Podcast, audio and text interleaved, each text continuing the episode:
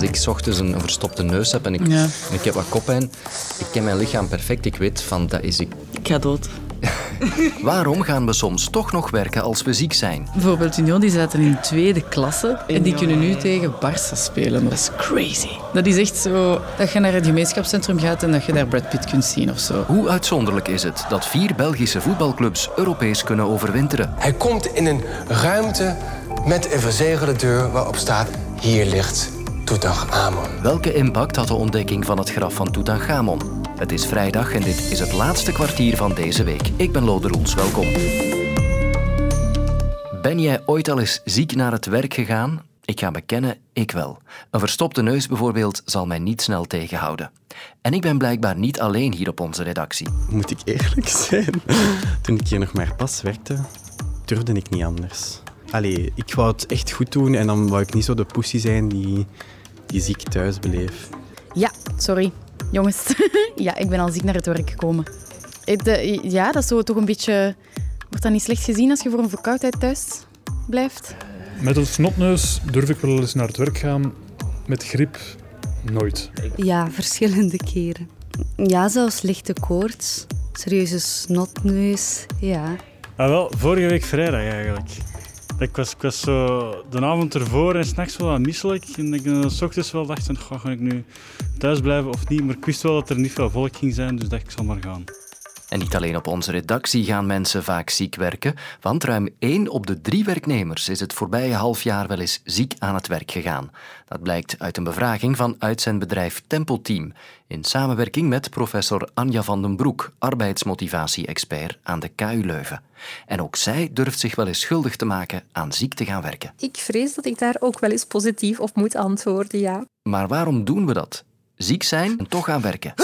De grootste reden waarom dat mensen dat doen, en dus bijna één op drie die zegt van kijk, ik ga wel eens ziek werken, die zegt ja, ik kan het mijn collega's toch niet aandoen om niet te helpen. Dus een beetje de bezorgdheid dat de werkdruk bij de collega's zou belanden. En wat zien we daarnaast ook van ja, als ik niet het werk nu doe, terwijl ik een beetje ziek ben, ja, dan blijft het gewoon liggen en ga ik het morgen of volgende week alsnog moeten doen. Dus ja, die werkdruk speelt toch wel mee. Uh, plichtsbewustzijn natuurlijk ook wel, hè, van je wilt uh, niet dat de collega's al het werk moeten overnemen. Je wilt zorgen dat het werk toch gedaan wordt, uh, ook al voel je je niet al te best. Maar waarom doet de ene werknemer het wel en de andere niet? Want ja, wanneer ben je echt ziek of te ziek, dat is natuurlijk toch heel persoonlijk. Eén, wat we vaststellen is dat vrouwen iets meer uh, toch ziek gaan werken. En twee, wat we ook vaststellen is dat de redenen die voor iedereen gelden, hè, ik wil mijn collega's daar niet mee belasten, um, anders blijft het werk gewoon liggen, dat die beide ook hoger gescoord worden door de vrouwen. Dus um, vrouwen zijn meer dan mannen geneigd om toch ziek te gaan werken, juist om die collega's niet te blijven belasten of bijkomend te belasten. En om ja, ervoor te zorgen dat ze de week daarna, of als ze terugkomen, niet al het werk te moeten inhalen. Wat we nog zien is eigenlijk zo dat jongeren toch meer het gevoel hebben van oei, mijn werkgever verwacht dat. Dus we merken dat jongeren nog een beetje aan, aan het zoeken zijn van waar ligt de grens hè? om uh, mij ziek te melden, dat ze dat toch minder makkelijk doen. Mensen boven de 35, hè, die we dan um, wat globaal oudere werknemers noemen, om het verschil met de jongeren te maken, die doen dat dan veel minder. Die, die, vinden dat, die hebben dat voor zichzelf veel beter uitgeklaard al. Maar hoe zouden onze corona-experts hier naar kijken? Ging het niet allemaal veranderen door de coronacrisis? Ik had wel gehoopt dat die wat lager zouden gelegen hebben. Ja, 1 op 3 is wel vrij hoog. Ik had, ik had gehoopt dat het wat lager zou gelegen hebben, dat klopt wel. Een grote mentaliteitsverandering zien we dus niet meteen. En coronaviroloog Steven van Gucht vindt dat toch wel jammer. We zouden veel sneller thuis blijven als we ziek zijn, was er te horen. En eigenlijk geldt nog steeds de richtlijn dat wie ziek is thuis moet blijven.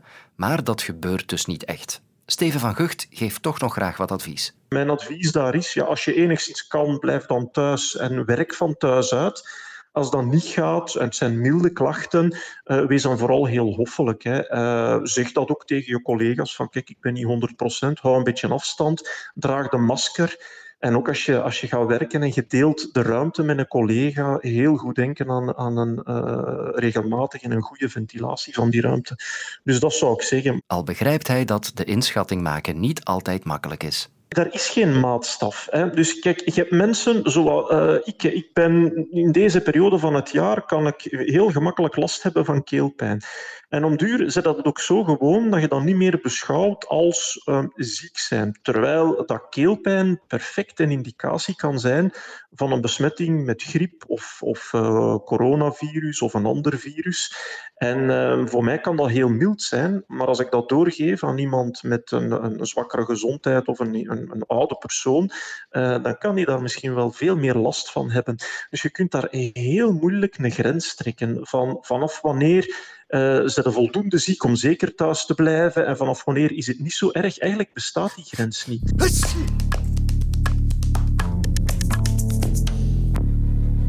Makkeli, hij fluit af!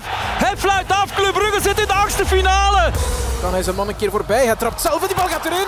Zegger. Doelman van Krombrugge keepte uitstekend en zo kon Anderlecht overleven. Union wint gewoon met 0-2. Het zit erop. Het heeft gestreden voor 20. Simon Mignolet is heilig verklaard. Jules Zeer trapt A-agent virtueel naar de overwintering. De Brusselse hoedenwinkels zijn uitverkocht. Want we hebben Gerards en Co. al zoveel op chapeau moeten trakteren. En zo schuift Anderlecht als vierde Belgische club mee aan tafel voor de loting voor de volgende rondes. Club Brugge, Anderlecht, Union en Gent. Dat zijn de vier Belgische voetbalploegen die Europees overwinteren, zoals dat dan heet. Vier ploegen dus die ook na januari kunnen meespelen in Europese competities. En dat het er vier zijn, dat is uniek. Al is het niet voor iedereen duidelijk waarom daar zoveel commotie rond is. Ja, maar stelt dan nu iets voor? Dit is redacteur Sophie, zelfverklaarde voetballeek, en zij had toch nog een paar vragen over het belang van die sportieve prestaties. Misschien moeten we dat vanuit die optiek benaderen, zo van voor de leek. Als ik inderdaad zou zo, oh ja, en wat wil dat dan precies zeggen, dat overwinteren? En ik denk dat iemand anders geïrriteerd gaat zijn, zo... Seriously? Overwinteren, dat weten wat dat betekent, hè? Dus, uh... Uh, in de winter spelen, hè? Daar zijn we mee aan de slag gegaan. Ik trok vandaag dus niet met mijn eigen vragen, maar wel met de vragen van Sophie naar ex-voetballer Wim de Koning en sportjournalist Tom Boudeweel. Waarom is dat belangrijk? Waarom is dat speciaal? Is dat eigenlijk super uitzonderlijk? Ja, dat is uh, een unicum. Hè. Dus zo uitzonderlijk is het. Hè. Club uh, als klein onderschat ploegje hè, kan nu uh, tegen Bayern München of Manchester City of Real Madrid uitkomen in de achtste finale. En dat is toch altijd in zo'n heen- en terugwedstrijd iets wat uh, ja, wereldwijd gevolgd wordt. Hè. Ik denk de prestatie van, van Club Brugge zal wel tot de verbeelding gesproken hebben. Niet alleen bij ons, maar zal toch wel iets losgemaakt hebben bij... Andere landen, andere teams. Natuurlijk, je spreekt in groot orde van Manchester City, Paris Saint-Germain, Real Madrid. Ik denk niet dat die echt wakker liggen van Club Brugge. Die doen hun eigen ding, die zitten zo op een ander niveau. Dus dat niet, maar ik denk dat landen rondom ons, ja, ze zijn de enigen die kunnen doorstoten zijn naar die achtste finale. Dus dat gaat wel rond. En zeker als je bijvoorbeeld een wedstrijd in Porto wint met 0-4 ja, alle voetballiefhebbers in Europa zien dat. Ja, dat spreekt toch tot de verbeelding. Weinig mensen kennen Union. Die gaan ook uh, geweldige tegenstander krijgen. Ajax, Barcelona of Juventus, dat zijn toch wedstrijden waarbij je over 20, 30 jaar nog gaat spreken. Hè. Dat zijn historische wedstrijden. En indien je dan het niveau haalt om die mannen dan toch te kloppen, ja, dan, dan is dat geschiedenis uh, waar heel de wereld naar kijkt. Hè. En, en betekent dat dan ook iets financieel? Of is dat vooral ego? De ploegen hier in België draaien met verlies. Dat zeggen ze bij Union bijvoorbeeld ook. Een normaal jaar zonder de transfers gerekend, zonder het Europese voetbal, dan draai je 6 miljoen verlies. Oké, is dat niet. Dus je moet al rekenen op transfers, maar dat, is, dat lukt de ene keer wel, de andere keer niet. En dan die, die Europese inkomsten. Dus het boerjaar dat de Union nu aan het afwerken is in uh, Europa. Ja, dat is een welgekomen uh, injectie van, van, van veel geld. Agent heeft een heel moeilijke periode achter de rug met de corona. Zij zijn financieel beperkt. Ja, de inkomsten die nu binnenkomen, die zijn van harte welkom. Hetzelfde verhaal voor Anderlecht, al jaren op de sukkel met, wat is het, 100 miljoen schulden. Ja, als je toch een beetje Europees kan geld binnenhalen, dan doet dat wel deugd om dingen af te betalen. En je creëert ook een meerwaarde natuurlijk van je spelers, want je spelers spelen Europees, komen in de belangstelling, worden beter en worden misschien getransfereerd. Is het gewoon een beetje chance? Of is het ook Hallo. effectief dat de kwaliteit hoger ligt? Goeie vraag. Dat is een hele Zeer goede goede vraag. vraag. Is dat puur geluk?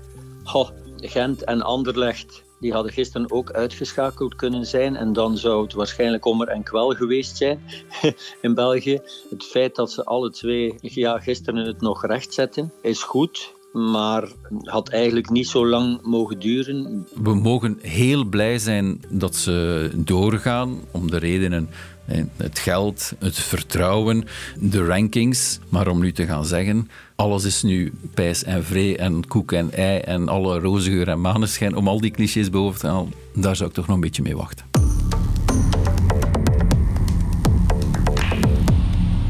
It's one of the most famous and mysterious faces in history. A teenage pharaoh who ruled over ancient Egypt.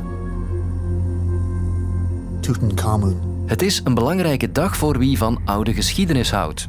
Vandaag, precies 100 jaar geleden, werd in Egypte de graftombe van Tutankhamon ontdekt. Een van de grootste archeologische vondsten ooit. Tutankhamon zat zo'n 1300 jaar voor onze jaartelling op de troon in het oude Egypte. Hij was negen toen hij farao werd en stierf al voor zijn twintigste. Op 4 november 1922 ontdekte de Brit Howard Carter het graf. Na 3300 jaar was hij de eerste levende ziel die er binnenstapte. 33 centuries had passed since human feet last trod the floor on which we stood. En toegegeven, de ontdekking van de tombe had natuurlijk een redelijk hoog Indiana Jones gehalte. When we came to a golden shrine with doors closed and sealed, we realized that we were in the presence of the dead king. De tombe zelf was tot een nok gevuld met kostbare sieraden, beelden en meubelen. En 100 jaar later zijn we er nog altijd niet over uitgepraat. Goedemiddag, bijna. Dit is de stem van Athena van der Perre. Ik ben een Egyptologe die verbonden is aan de KU Leuven. Ik vroeg haar om Tutankhamon even te schetsen.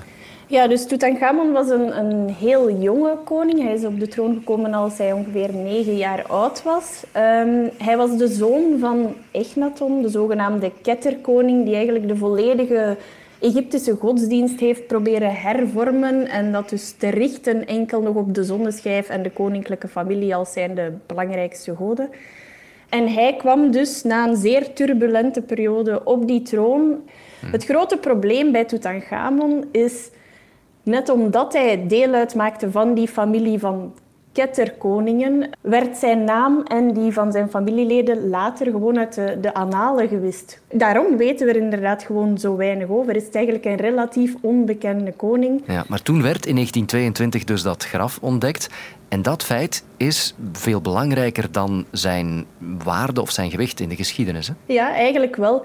Zijn grootste historische waarde blijft het feit dat zijn graf intact ontdekt is. Hoe zielig dat ook mogen klinken, maar dat is het wel. Pas op, voor de oude Egyptenaren heeft hij wel de ultieme droom waargemaakt. Want in het oude Egypte was namelijk het belangrijkste dat je naam bleef voortbestaan lang nadat je gestorven was. En als er nu één farao is die, wiens naam nog steeds leeft, ook meer dan 3000 jaar na zijn dood, wel, dan is het wel Tutankhamon. Waarom was de ontdekking van dat graf van Tutankhamon zo belangrijk uiteindelijk? Wel ja, belangrijk voor het, het land zelf natuurlijk, om, om dat toerisme en zo weer te gaan aanwakkeren. Die, het feit dat de focus terugkwam op al de goede dingen. Egyptologisch gezien is het ook de eerste keer natuurlijk dat we zo'n graf gevonden hebben.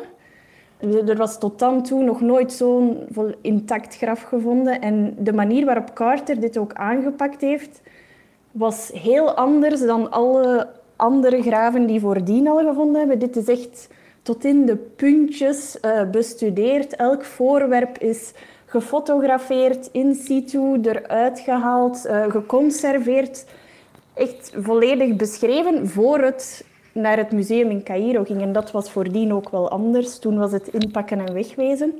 Eigenlijk is er sinds het ontdekken van dat graf toch ook een soort marketing, of mag ik het onrespectvol merchandising rond ja, de farao's en ook Tutankhamon op gang gekomen. Hè? Mag je dat zeggen? Ja, natuurlijk. Ja. Maar ik, ik ben daar op zich ook niet tegen, want het houdt daardoor ook de hele cultuur onder de aandacht. Iets wat bijvoorbeeld bij Assyriologie veel moeilijker ligt. Want over Mesopotamië weet bijna niemand iets, behalve mensen die er zich echt mee bezighouden. Hmm. Tegen Egypte, eender wie je gaat aanspreken, zal je wel iets of een farao kunnen noemen. Athena van der Perre, dank u wel. Ons kwartier zit er alweer op, maar voor ik helemaal afsluit wil ik nog heel even stilstaan bij het overlijden van Nicole Josie. Bekend als danseres en zangeres, Goedemorgen, goedemorgen. maar toch vooral ook als de helft van het onafscheidelijke duo Nicole en Hugo. In een van haar laatste interviews vertelt ze waarom de magie tussen de twee na al die jaren bleef bestaan. Hij had alles. Dat was ongelooflijk. Nou, als ik hem hoorde, ja, het oog zich gewoon een Antwerpenaar, maar dat, dat was direct, dat is het. Ik zou, ik zou nooit, nooit zonder hem kunnen leven. Dus ik moet zorgen dat ik terug op mijn benen ga, dat ik hem niet in de steek laat, want dat, dat zou ik erg vinden. Nicole Josie was al een hele tijd ziek en is gestorven na een val. Ze is 76 jaar geworden. Luister ook naar Clubnet, je wekelijkse shot internetnieuws in podcastvorm. Nu in de app van VRT Max.